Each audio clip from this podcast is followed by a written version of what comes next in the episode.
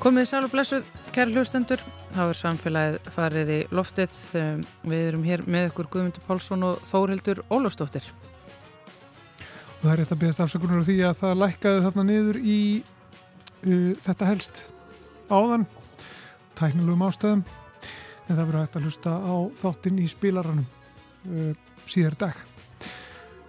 Skemdaverk eru talin líklasta ástæðan fyrir skyndilugum gasleika á sjávarbotni á fjórum stöðum í sænskri og danskri lögsugu og þá er talið líklegt að útsendarar Erlends ríkis hafi verið að verki.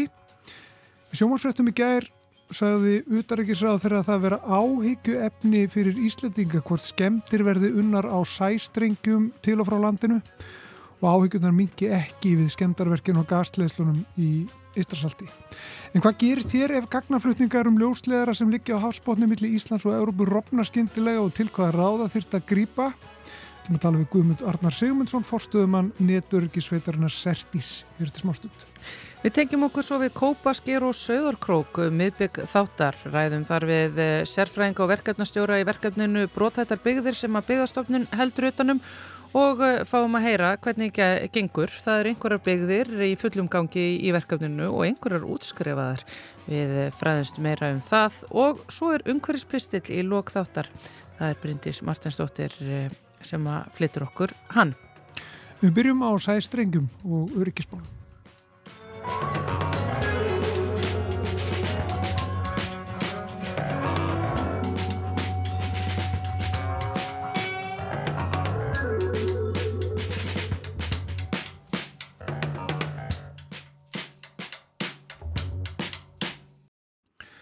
Þannig sestur hérna hjá okkur Guðmundur Arnar Sigmundsson, forstuðum að er netörgi sveitarinnar Sertís, verður velkominn til okkar. Já, takk fyrir. Okkur langaði aðeins að, að spyrja þig út í já, þetta sem kom fram í sjónvarsvettum í gær, þá segir utaríkisað þeirra að um, það getur verið áhugjefni um, að, að skemmtir getur verið unnar á sæstrengjum sem að liggja millir Íslands og ég var að segja um heimsins, þar sem allir gagnaflutningar fara um og, öll símtöl og svo framvegis. E, í framhald af þessum, þessum árásum, líklegu árásum í Eistarsaltinu þar sem að gasleðslur virðast að vera sprengtar þá er fólk verið að velta því fyrir sér hvort þessi ástæða til að, að hafa áhyggjur hér af þessu. Hva, hvað séð þið hjá netur ekki sveit? Já, við tökum undir það að það er ástæðlega sem var áhyggjur af þessu, það er hérna sannlega þannig að, að öll fjarskipta samskipti í Íslands við umheiminn fara mestmegnis í gegnum tvo svona nútímalega sæstrengi sem ber að megna þessu, gagna, þessu gagnamagni sem við þurfum að senda til og frá landinu. Og við erum bara komin á þann stað sem samfélag að fjarskipti og internetsamband er bara orðið svona alveg svona grunn einu af svona grunn innviðum sem við Íslandíka telum okkur þurfa bara á pari við ramagn og vatn. Og það að, að treysta á megin samskiptið meginlandið eða umheiminn í hilsinni í gegnum tvo sæstrengi, það er kannski svolítið eh, djartelt eh, og það er líka verið að vinni í því. Það er bara í lagningu þessar stundina er verið að leggja þriðja sæstrengin sem að eh, við höfum þessar tvo stóru, þeir liggja núna frá Íslandi til Skotlands annarsvegar og hinn kemur á landi í Danmörku. Þeir eru óhefnilega laðir hvað það var að þeir krossa á einum stað og hérna það er sérstaklega fylgst með því svæði. En þriðji strengurinn sem mun líka frá Íslandi eh, til Írlands eh, verður tekinni gagnið á næsta ári og verður gífuleg búbót eh, bæðið upp á gagnamags getu burðar getu gagnamags til Íslands, til og frá Íslandi. En einni bara stóru aukið öryggi sem fylgir lagningu þess strengs. Já. Síðan höfum við einn eldri streng sem tengist vestur í, í gegnum Grænland og, og áleiðis en hann er kannski orðið svolítið batsins tíma og, og myndi ekki fullnæja allir í gagnamaks þörf Íslendinga. Mm -hmm. Þannig að vissulega er alveg ástæð til þess að, að staldra við núna þegar það er svona ófriða tímar uh, og sérstaklega í ljósi svona aðvöka eins og gerist þarna í, í, á gasleislunni við, við Danmörku og, og hugsa út í það er raunhæf, er raunhæf áhætta gæti hún raungest að, að sæstringir Íslands einn eða allir eru teknir í sundur og hvað afleðingar hefði það. Já. En við blessunlega byrjuðum að velta þessu fyrir okkur fyrir rúmi hálfu ári síðan og hérna þegar stríðið brast, brast út þá hérna fór sýsturstofnun okkar í hjá fjarskiptastofu uh, sem heitir Stafnand Öryggi sem hefur svona, fer með svona fyrirbyggjandi eftirlits hlutverk á stað með svo kallar sértækt áhættumatt.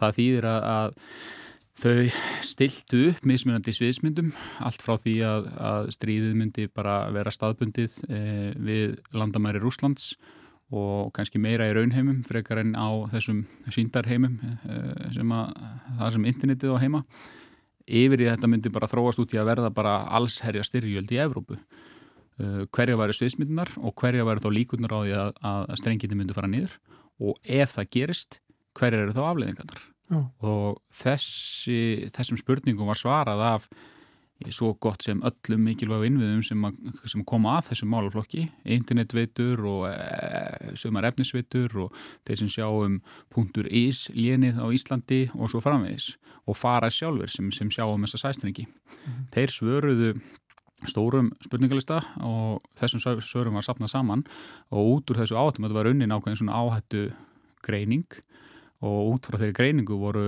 skilgrindar svona aðgerðir hvar mætti einhvað betur fara og hvað er virkilega í góðum málum og ég myndi kannski ekki ég get ekki farið e, neitt nákvæmt ofan í hver veikleikandi liggja, það væri bara nokkuð óábyrgt að mér að fara mhm. Blasta því út á í útarpinu en, en vissulega uh, þurfti aðeins að, að bæti í á nokkrum stöðum og, og þær aðgerir hafa verið settir í, í, í framkvæmt Já. Ef við veltum aðeins fyrir okkur bara hvað myndi gerast sko, hvaða áhrif hefði það ef að segjum bara þetta er náttúrulega mjög erfitt að ímynda sér þetta sko maður áttar sér ekki alveg á því sko hvað þetta er mikilvægt fyrir bara samfélagið að, að vera nettengt til dæmi sko og, og það séu fjarskipti sem virka. En segjum sér svo bara að það rofni allt samband. Það, það, það svo staða kæmi upp. Getur þú sagt okkur hvað það myndi þýða sko? Væri myndi detta út bara, myndi detta, væri greiðslumilanir úti, væri öll samskipti úti, væri hægt að halda einhverju samskiptum innanlands vantanlega, hvað hva, getur þú einhvern veginn dreyðið upp einhverja mynd fyrir okkur? Já, ég skal hérna reyna að draga upp svona svona... Hryllingsmynd? Nei, fyrir mér í svona samingismynd bara Vissulega er á, ágætis bók sem er meira í hryllingstemanu sem var skrifið hérna starfsmanni þessar stofnunar hér en mm -hmm. sem fjallar um þetta mál. Eh, það sem myndi gerast og það sem er búið að staðfest er það að getan til þess að halda uppi innlendu internetsambandi er til staðar. Þá á ég við á þess að fara kannski að vera á tæknilegur eh, getan til þess að senda upplýsingar frá einum aðala til annars innanlands. Þannig að vefsíðan rúf.is getur sendt upplýsingar til nótenda sem er í einhverju tölvu. Eh, þeir pakkar á internetinu sem flæða til þess að koma þessu efni til nótendans geta gert það áfram með allir þeirri tækni sem þarf til þess og það er alveg bara mörg lög af, af flækjustugum uh, og hægt að reyka það á íslenskum innviðum. Margir af þessum veitu innviðum, eða þessum veitu síðum, þú veist, rúf.is og við erum með hérna samgöngustofa og við erum með alls konar svona vefsíður bland.is og fólk er að kaupa og selja okkar eru búinir að hýsa mögulega hluta af sinni þjónustu í erlendum þjónustu veitum og rekstra ræðilar þessar síða uh, ættu að mínum aðdi og ég hveti allar til þess að fara yfir það og nú er aftur tilefni til þess og hugsa hvernig ætli því að halda síðan ykkur virkni ef þið missið samband við erlendar efnisveitur. Það er alveg viðbúið að ef að allt sambandið um heiminn myndi rofna uh, með einhver fyrirvara og þá þyrti tæknimenn og forriðarar á þessum VF síðum sem við erum að nota dagstælega að taka hressilega aukavinnu langt ára á nótt til þess að aðlaga síðuna að því þannig að hún myndi virka á innanlandskerfum.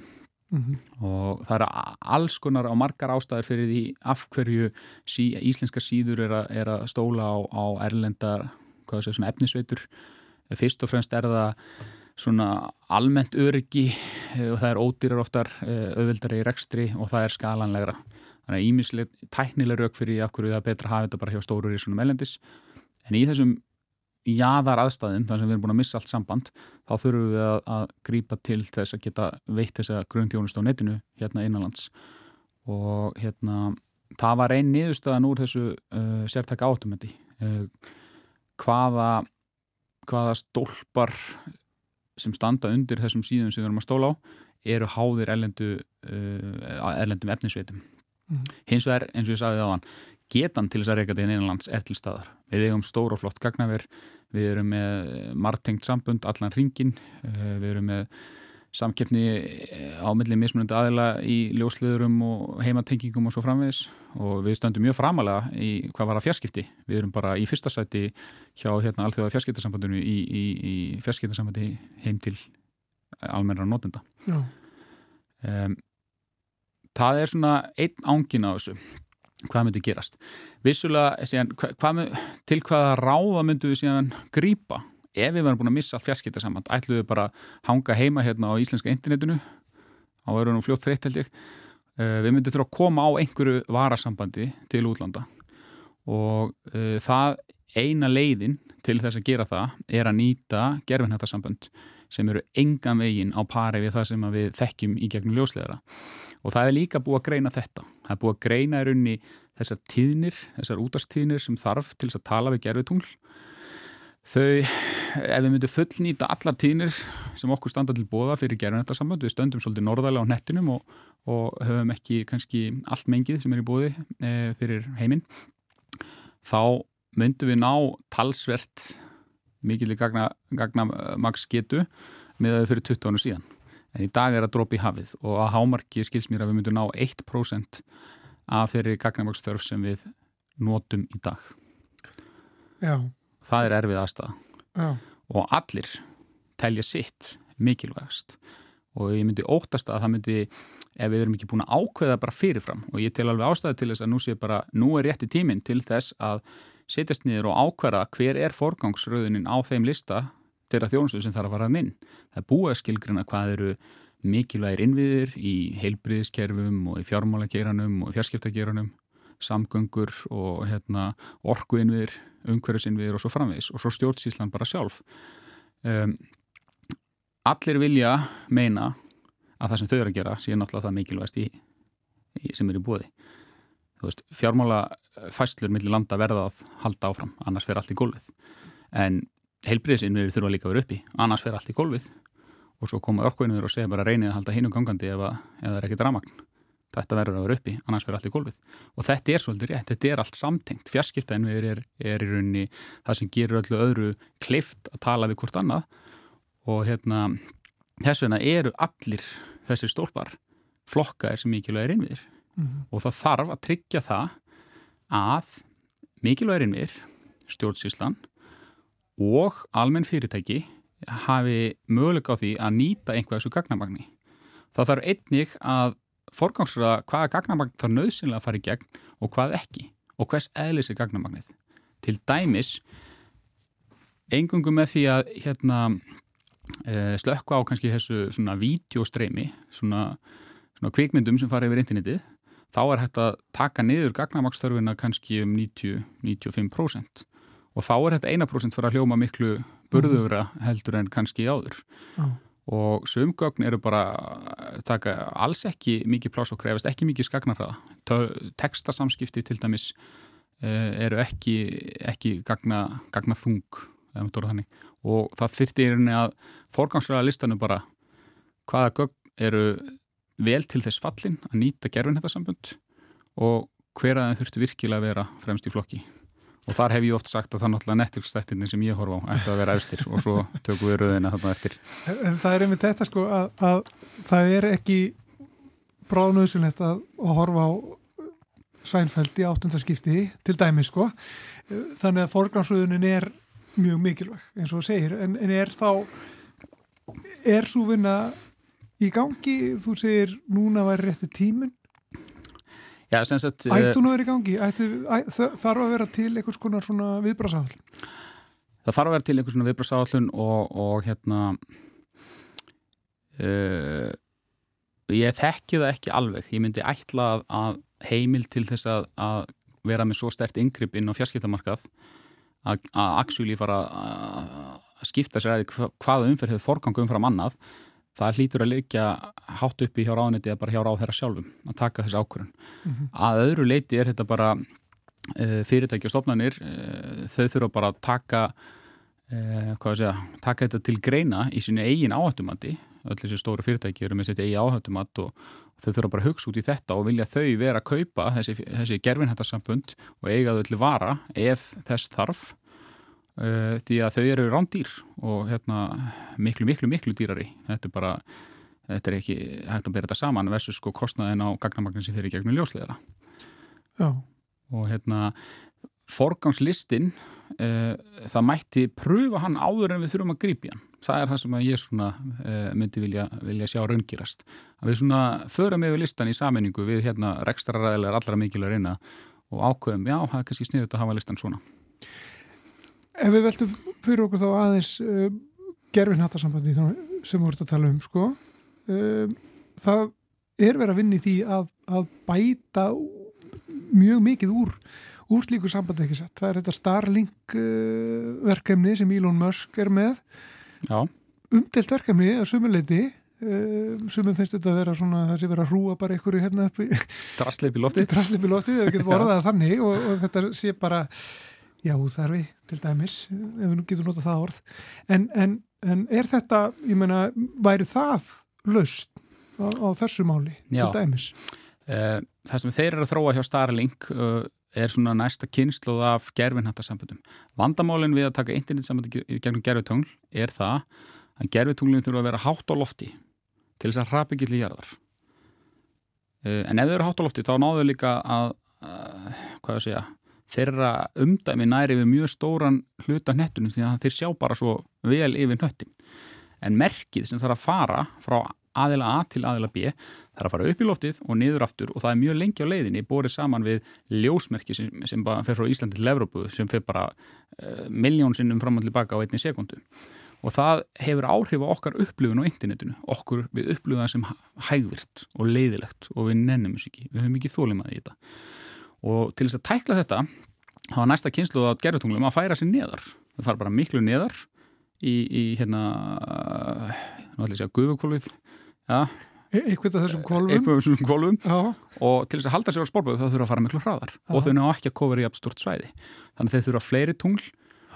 En merkja lengdin stittir svo mikið að við förum að upplifa interneti eins og við erum vöni gegnum ljósleira. Þetta er mikið og gott skref inn í framtíðina en krefst miklu flóknari gerfingtúla til þess að sjá um merkjasendingarnar.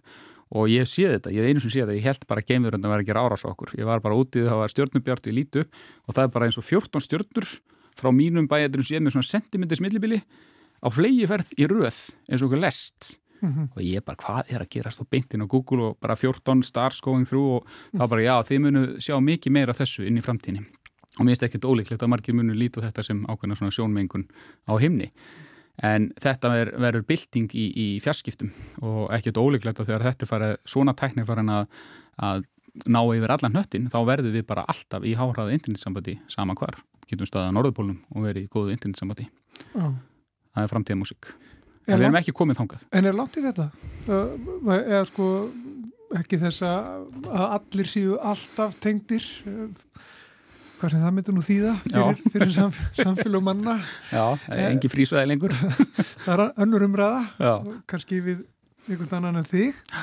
En, en, en er þetta eitthvað sem að sko, það að við getum hér bara, væri þetta panta þess að þjónustu? Geti, er það Íslensk stjórnvöld sem myndur gera það? Eða be, væri bara beðið eftir því að og félagar segja að nú komið tími til að til að Já. tengja eins og segir læginu eins og segir, það er kannski ekki ég, ég er ekki rétti mann til að spyrja þessar spurningar.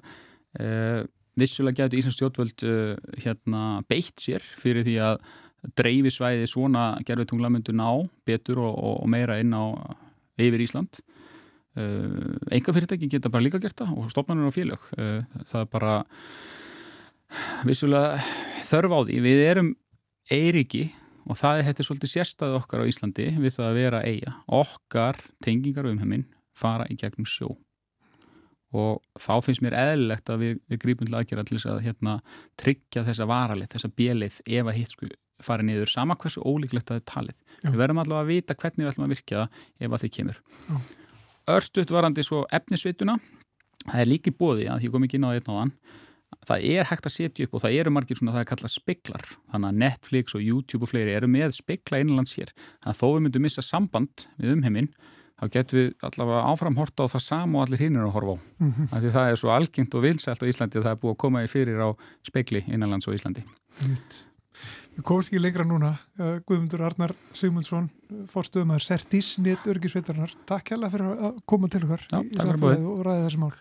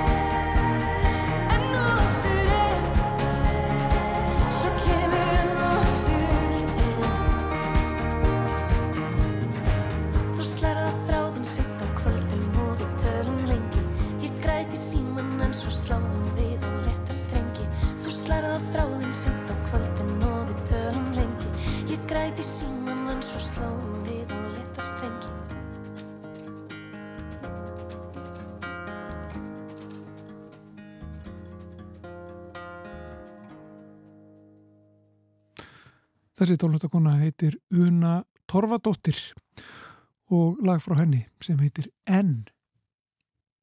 Brótættar byggðir eru byggðaþróunarverkefni hjá byggðastofnun. Hvað er margar byggðir í því? Spyrjum við hér í samfélaginu. Jú, við ætlum að skoða þetta verkefni og það er byggðir sem er sérstaklega verið að huga að. Hjá mér eru Helga Harðardóttir og Kristján Þón Haldursson. Þau vinna bæði hjá þróunarsviði byggðastofnunar og eru verkefnastjórar yfir verkefninu Brótættar byggðir og náttúrulega í anda þess starf sem þau sinna þá eru þau hérna með mér annars vegar frá Söðokróki og hins vegar frá Kópaskeri. Sælveriði bæði tvö. Sæl. Sæl. Byrjum kannski á að uh, útskýra fyrir fólki hvað þetta verkefni er, brotettar byggðir. Já, ef ég var að tjá með um það, þá uh, hófst þetta starf 2012 uh, á Rauvarhögn en þá var orðið ljóst að, að vandi byggðalassins var geysi mikill, uh, þetta var þá 2012 þá voru liðin í á 2012, þá voru liðin um tíu ár frá því aðtunnu líf frundi þar alveg. Og byggðarstofnun á samt sveitafélaginu, Norrtingi og fleiri aðlum uh, settust niður og, og reyndu að velta því fyrir sér hvernig væri best að nálgast hennan vanda og úrvart að hefja trónarverkefni með virkri þáttöku íbúa og hugmyndi var að byggja á uh, því sem að íbúar vildu leggja til sem uh, úrbútaverkefni og fyrsta íbúa þingið í þessari röð okkar verkefnum var haldið í janúar 2013. Þetta þróaðist svo tiltölar hratt, það var áhugji víðar um landið á að taka þátt í verkefnum af þessu tægi og strax 2013 byrjuðu þrjú önnur byggðarlög og svo koll af kolli og alls hafa núna eh, fjór, 14 verið byggðarlög hafið þáttöku í þessu verkefn og þar af uh, hafa sjö byggðarlög lokið sinni vegferð þar að segja að byggðarstofnun hefur sleppt höndinni af þeim byggðarlög. Þannig að þau eru svona útskrifið? Já, það má kannski segja það, en, en það þýðir ekkit endilega að e, allur vandi sér leistur, þetta móti verður áfram e, glíma við, við svona byggðarfrón, en ég til minnst segja að, að við teljum að það hefur nátt nokkur árangur í öllum þessum byggðarlöfum sem hafa verið þáttakæntur. Já, sko ef við lítum svona til að byrja með á eh, það, þau, þau byggðarlög sem eru enþá í skólanum, en njóta enþá það sem að þið kallið virkarar aðkomi byggðarstofnunar í þessu verkefni eru sem sagt skilgrind þá sem brotætt byggðarlög sem að er verið að byggja undir. Eh, eh, ef við fyrum bara eins yfir það hvaða ja, byggðarlög þetta eru og, og hvað er verið að gera? Já, kannski ég kom inn á það. Það eru sem sagt sjö byggðarlög starfandi núna undir merkjum brotrættra byggða og þau eru mist langt á vega komin í, í sagt, verk, á verkefnistímanu. Uh, þetta er uh, þrjú byggðarlög fyrir vestan. Þetta er sem sagt Þingari og, og Næsvitir, dýrafjörðin. Þetta er uh, Árnesveppur og síðan Strandabyggt. Síðan eru við með Bakkafjörð, Grímsei og nýjustu byggðarlegin 2, það er Stöðafjörður og Dalabyggt. En þessi tvö síðast nefndu þau hófu vegferð sína í þessu verkefni núna á þessu ári og við vorum með sagt, þetta markast verkefnin byrja í svona undirbúningsfasa og þegar búið er að skrifa undir samninga um verkefnin þá eru haldinn íbúaþing, tveggjata íbúaþing og þau voru semst haldið núna í mars síðastlinum á Ídalabeg og á stöðafyrði. Síðan eru þrjú af þessum sjö að ljúka að öllu óbreyttu þáttöku um næstu áramót, þannig að þau eru svona loka fasan. En þrátt fyrir að þau séu loka fasan þá eru við samt sem áður að klára ímisverkefni, styrst verkefni svona fram á næsta ár. Mm. Og þið talar um þarna að, að þessi haldin íbúaþing og, og þetta sé svona uh, mikil vinna. Þetta er ekki þannig að, að einhverju svona sérfræðingar á sunnan sem að þið eru náttúrulega ekki verandi á Söðakróki og Kópaskeri komi inn í, í sveitafjöluun og, og segi þeim hvernig á að gera hlutina. Uh, Íbúaþingin eru haldin sem sagt í upphafi verkefnuna og, og standa yfir tóta eins og ég sagði Við fáum reyndar mjög hérna, færan sérfræðing, Sigurborgu Káir Hannesdóttur frá Ildi, til að stýra íbúaþingunum hérna, fyrir okkur og við vinnum mjög þétt hérna, öll saman í raun og þar myndi verkefnastjórn og verkefnastjórnin vinnur öll saman að, að hérna, dasgra á íbúaþingsins og, og, og framvindu á því.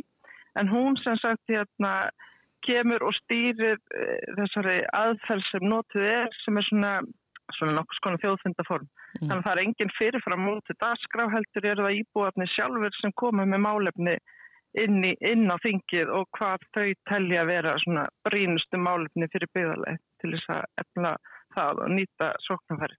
Og takkir dæmi um verkefni sem að uh, fæðast á þessum íbúaþingum og hafa orðið á raunveruleika?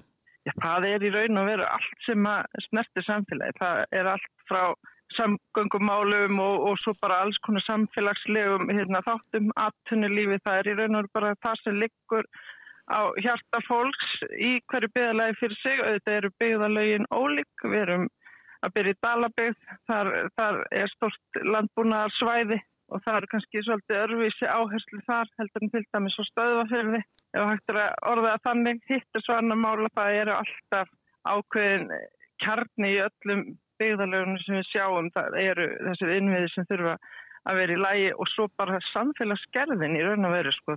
Og það að við séum að fá íbúðana til samtals um hvaða þeim likur og hjarta hvar þau sjá sóknarfærin og þetta snýr í raun og vera því að valdefla íbúana til að taka sér stöðu og reyna að bregðast við þeirri stöðu sem byggðarlega er í og reyna að efla það með öllum ráðum. En við má aðeins bæta við þetta að, að eins og þú orðar þetta Þorhildur, við erum ekki að koma sem sérfæðingar og segja íbúinu hvað, hvað þau eiga að gera eða geta gert, við erum miklu frekar að leggja til aðferð og, og verkfæri til þess að vinna mér og, og Helga hefur greint frá því líka. Við erum að fyrstulega að, að hjálpa í bónum að gera svona verkefnis áallun og setja sér markmið fyrir framfærir af ímsu tægi og svo höfum við fjármunni í þessu verkefni uh, til þess að, að geta veitt styrki til frumkvæðisverkefni mm.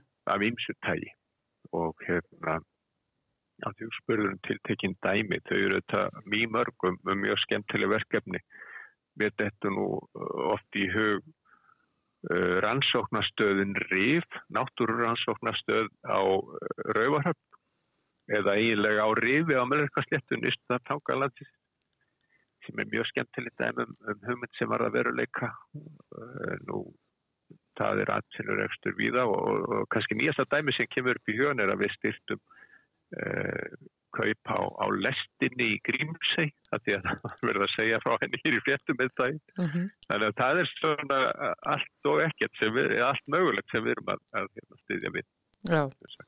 Þetta eru náttúrulega þarna dæmi um svona mjög svona frumlegar og skemmtilegar hugmyndir sem að vissulega efla mannlíf en þegar kemur að þeirri stöðu sem að mörg sveitafélög finna sér í, er þetta samt ekki alltaf sömu málinn? Þú veist, þau vilja fá betri samgöngur jargöng, almennilega vegi eh, grunnþjónustu veist, að það sé læknir á, á, á svæðinu og bara aðgangur að, að heilbreyðisfólki að eh, atvinnustarfseminn sé ekki flutt úr bænum og öllu þjappa saman þarna söðvesturhorninu og þar frá náttúrulega göttunum og, og ég hugsa sko hvað ætla byggðastofnun að gera í svona málum? Ég meina þið eru ekki vegagerðin, þið eru ekki sjáarútvöðurinn, þið eru ekki atvinnustarfseminn eða stjórnið ekki og stýrið ekki ferðafólki Þetta er alveg hárjætt hjá þér að, að, og, og Helga kom inn á það á það að allstaðar eru þessi innviða mál mjög ábyrjandi umræðinni e, og við að sjálfsögðu höfum engin, hvað ég segja, við getum engu lofað um framfærir í þessum stóru málum sem er á Konnuríkis og, og þess vegna sveitarfélaga. En við höfum löft okkur hins vegar að setja fram markmið um framfærir í innviðamálunum í þessum verkefnis áallunum í samstarfi við íbúana náttúrulega og, og okkar verkefnistjóra á staðnum til þess einmitt að vekja aðtykli á því að íbúar telli þetta vera mikilvæg framfara skref og, mm. og um, það er svo sem tekist misvel að fá úrbættur í þessum stóru innveðamálum en það eru mjög uh, góð dæmum að, að hérna, yfirvöld hafi ákveð að, að leggjast á árar með íbúanum að þessu leiti og, og við getum tekið dæmum það sem er vega að gera til dæmis til borgarfjörðar eistri vega að gera á langaneströnd uh, þjónu vetrar þjónusta í, í Árnasepp á síðasta vetri sem var náttúrulega algjör bylting fyrir samfélagið þar. Mhm. -huh. En við höfum reynd hins vegar að, að svona leiða umræðuna inn á þá braut að, að það séu ekki bara þessi verkefni sem eru til umfjöldunar hjá okkur, heldur líka, við getum kallaði litlu verkefni sem eru nær íbúinum og sem að þau íbúar í hverju byggðalagi geta sjálf haft áhrif á og, og með sínum frumkvæðisverkefnum kannski bætt stöðu uh, samfélagsins og íbúana. Þannig að þetta verður svona skemmtileg blanda að mínum að til sem að verður að vinna með. Þannig að við getum sagt að smátt, nei hérna margt smátt gerir eitt stort í þessu framfæður. Já, ég veldi fyrir mér sko af því að það eru þarna nokkuð beðalög sem eru útskrifið innan gæsalappa hjá ykkur. Uh, þessi svona valdefling sem að á þá að fylgja þessu verkefni hafið þið kannad hvort að hún sé raunveruleg, hvort að íbúar þessara sveitafélag hafi svona fundið fyrir, fyrir því að, að þetta verkefni hafa átt sér staði þeirra byggðalagi Ég ætla kannski að nefna eitt í því samhengi af því að Kristján nefndi eh, sjó, þessa sjóði sem við höfum til þess að veita smá fjármönum úr í tilfyrirumkvæðsverkefna.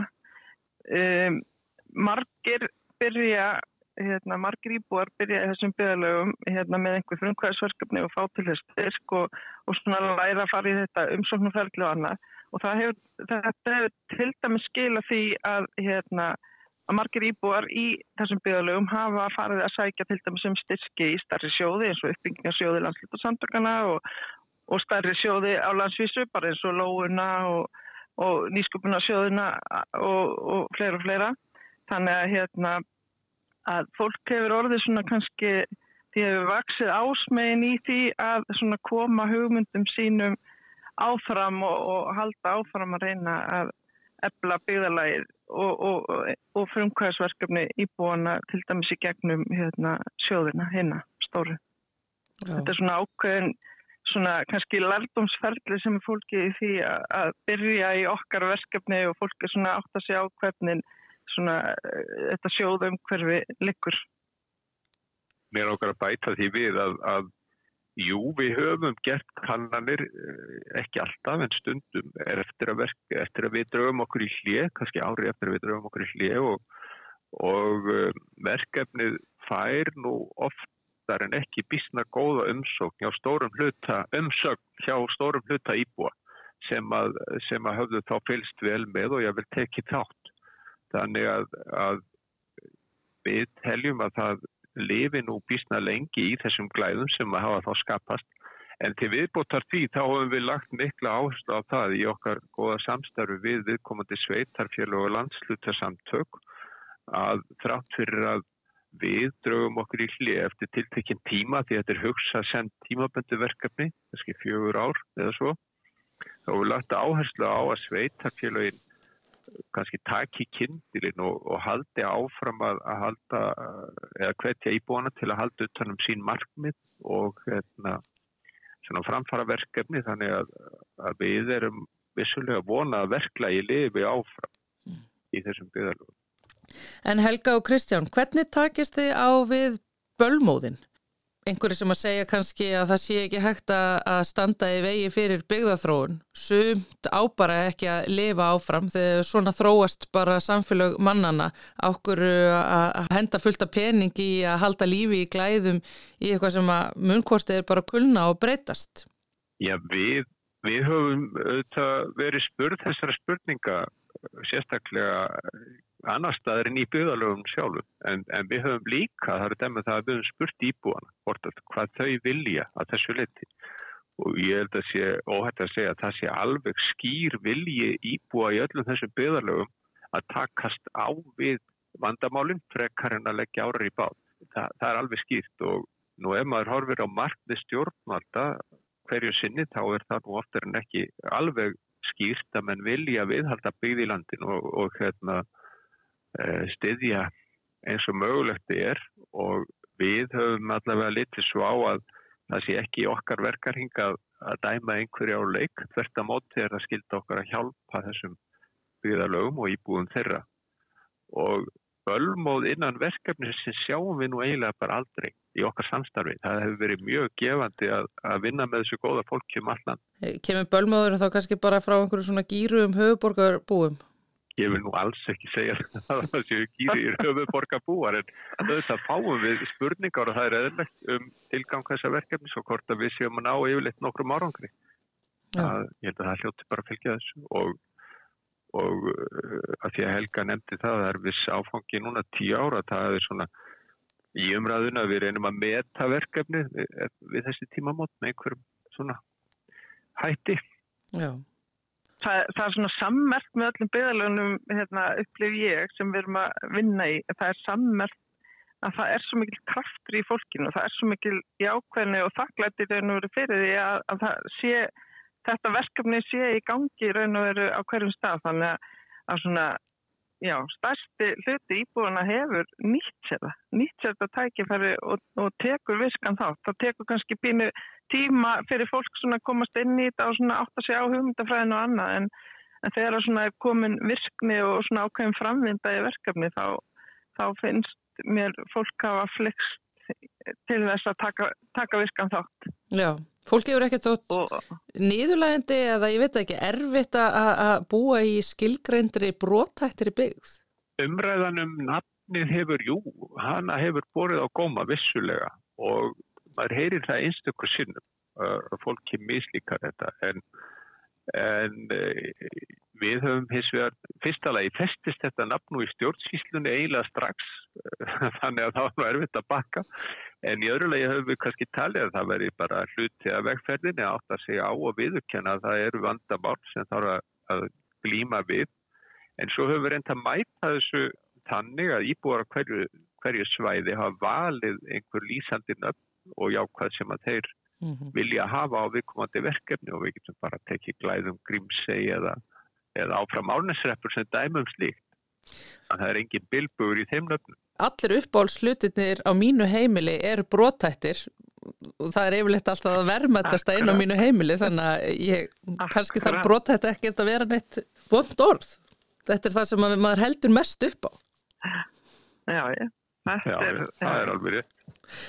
Kristján og Helga, eh, eins og þið segið, eh, það er að fara að koma að tíra afmali hjá þessu verkefni og, og, og við fáum að fylgjast með samantækt ykkar um, á því og þá jafnvel framtíðar sín hvaða önnur sveitufjölug mögulega kannski koma inn í verkefnið og svo eftirfylgni á þeim sem að hafa tekið þátt í því.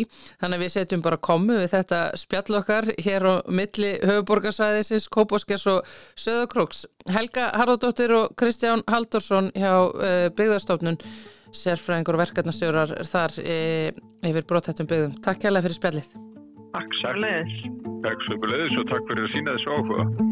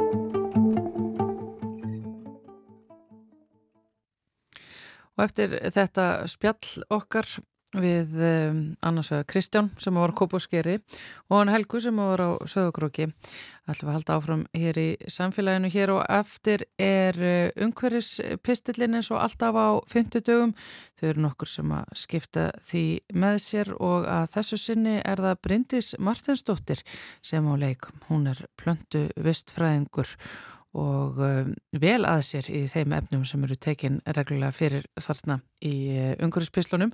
En áður en að við fáum að heyra pistilinennar Bryndísar er komið að öðrum uh, föstum lið hér í samfélaginu. Það er russlarappið sem hefur uh, notið mikilvæg vinsalda og margir eflust sem að blaka nú eirunum til þess að fræðis um hvernig því að flokka.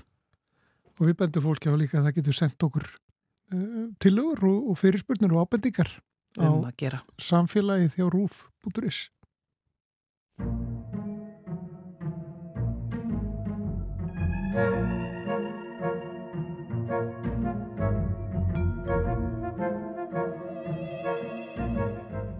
Ruslarabið með Eiriki Ernið Þorstensinni farið af stað. Hann er sérfæringur í fræðslu og miðlun hjá Sorpu og við fengum fyrirspurt frá hlustanda sem er foreldri af því að þessi hlustandi var að velta fyrir sér hvað hann eigi að gera með, eh, sagt, eh, með hluti sem eru með lími aftan á, sérstaklega plástra og eh, límiða sem að einmitt er eitthvað sem að fóreldrar finna víða á sínu heimili ámaður að flokka þetta?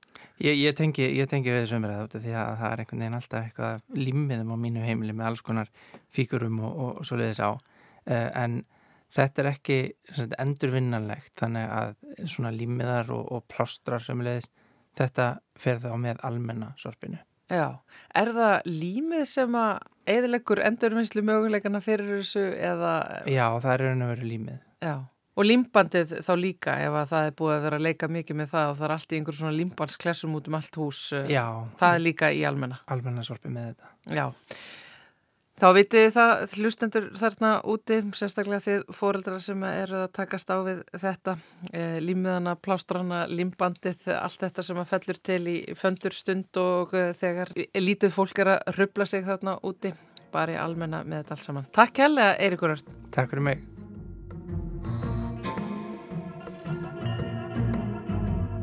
Hvers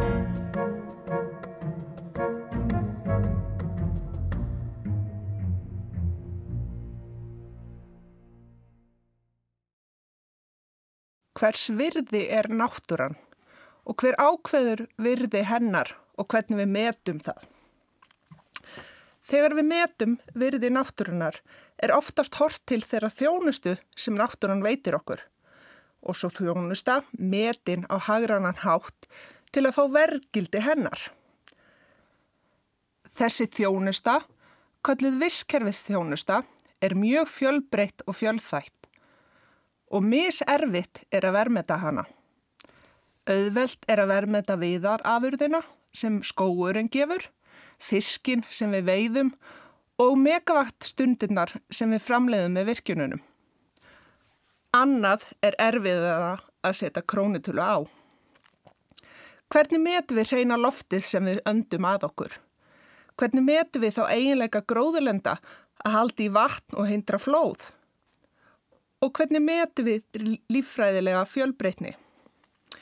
Reynt hefur verið að verðmeta þessa þætti meðal annars út frá því hvað myndi kosta okkur ef við hefðum þá ekki. Hvað myndi kosta okkur að reynsa loftið eða setja upp dýrar flóðavarnir? Sumt verði svo nánast ómögulegt að verðmeta til fjár. Hvernig setjum við til dæmis verðmið á upplöfun okkar á náttúrunni og við hvaða á miða þegar upplöfun fólks er misjöfn? En þó erfitt sé að meta suma af þessum náttúrugæðum og ekki hægt að setja beinan verðmiða á þau er ekki þar með sagt að þau séu minna virði. Eru megavatt stundirnar einhvers meira virði en reyna loftið eða ánaða mín af því að geta verið úti í óraskaðri náttúru? Við virðumst hins vegar oft meta náttúruna betur ef við getum augljóslega séð fjárhagslegan ávinninga af henni.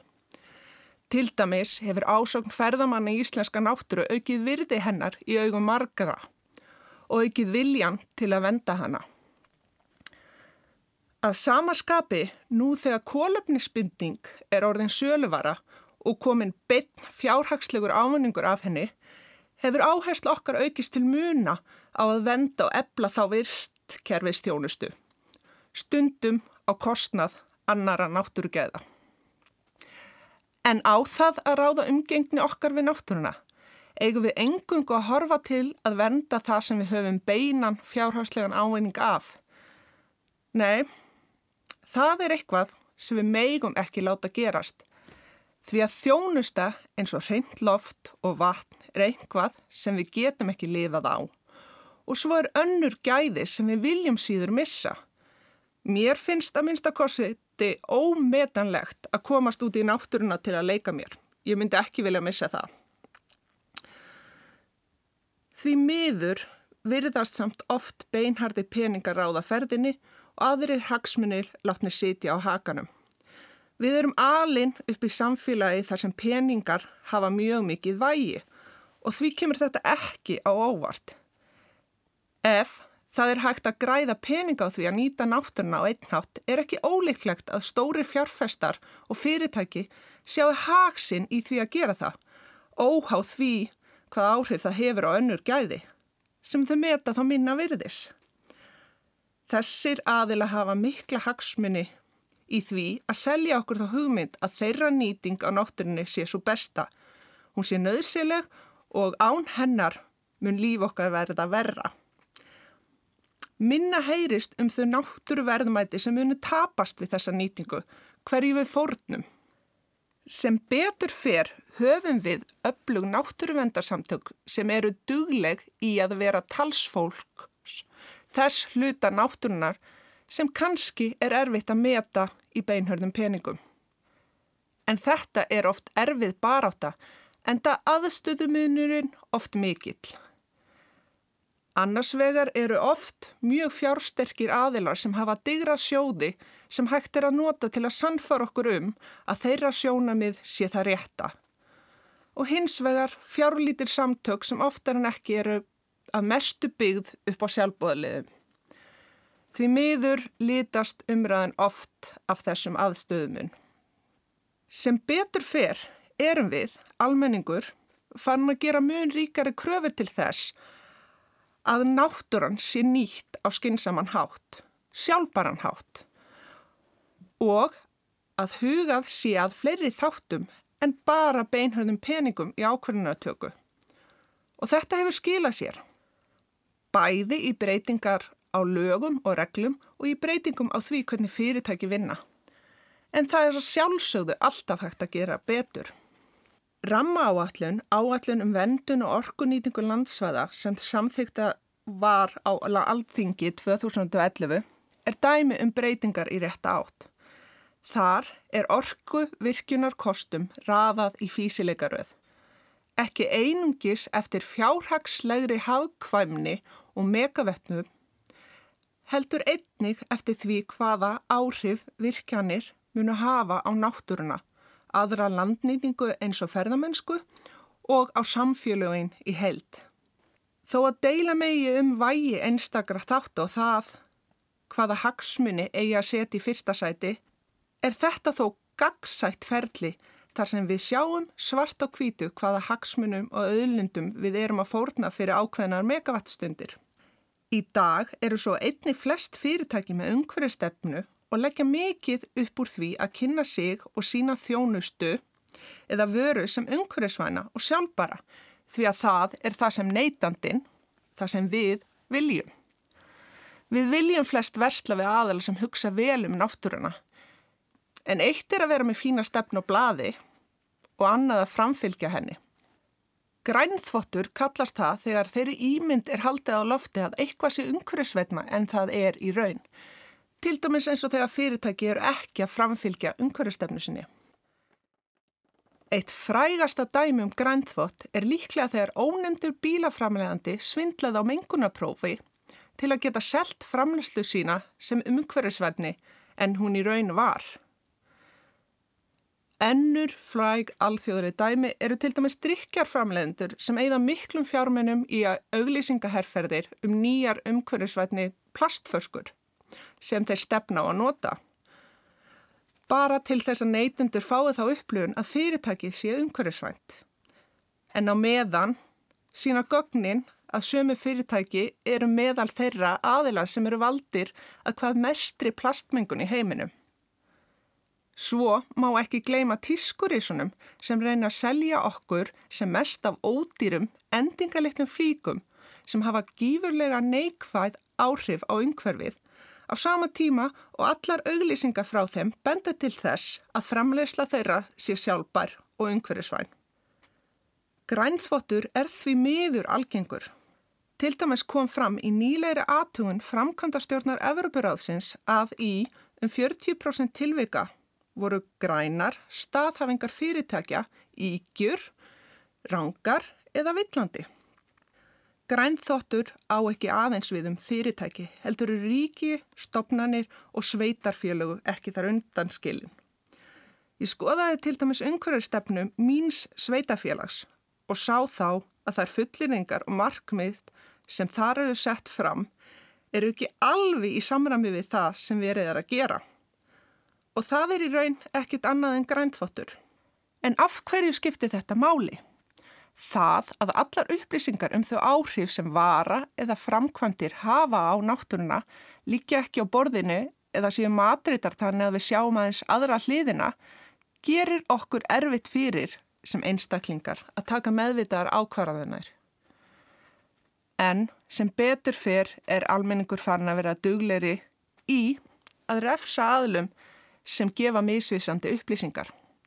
Þetta hefur leitt til þess að meiri kröfur eru nú gerða til fyrirtækja um að sína fram á tölur og staðreindir til að sanna grænar fullirringar sínar. Ekki bara frá neytendum heldur einni frá fjárfestum og stjórnvöldum. En það er ekki nóg fyrir okkur að fá réttar upplýsingar um hvaða áhrif, framleiðsla og nýting hefur á náttúruna.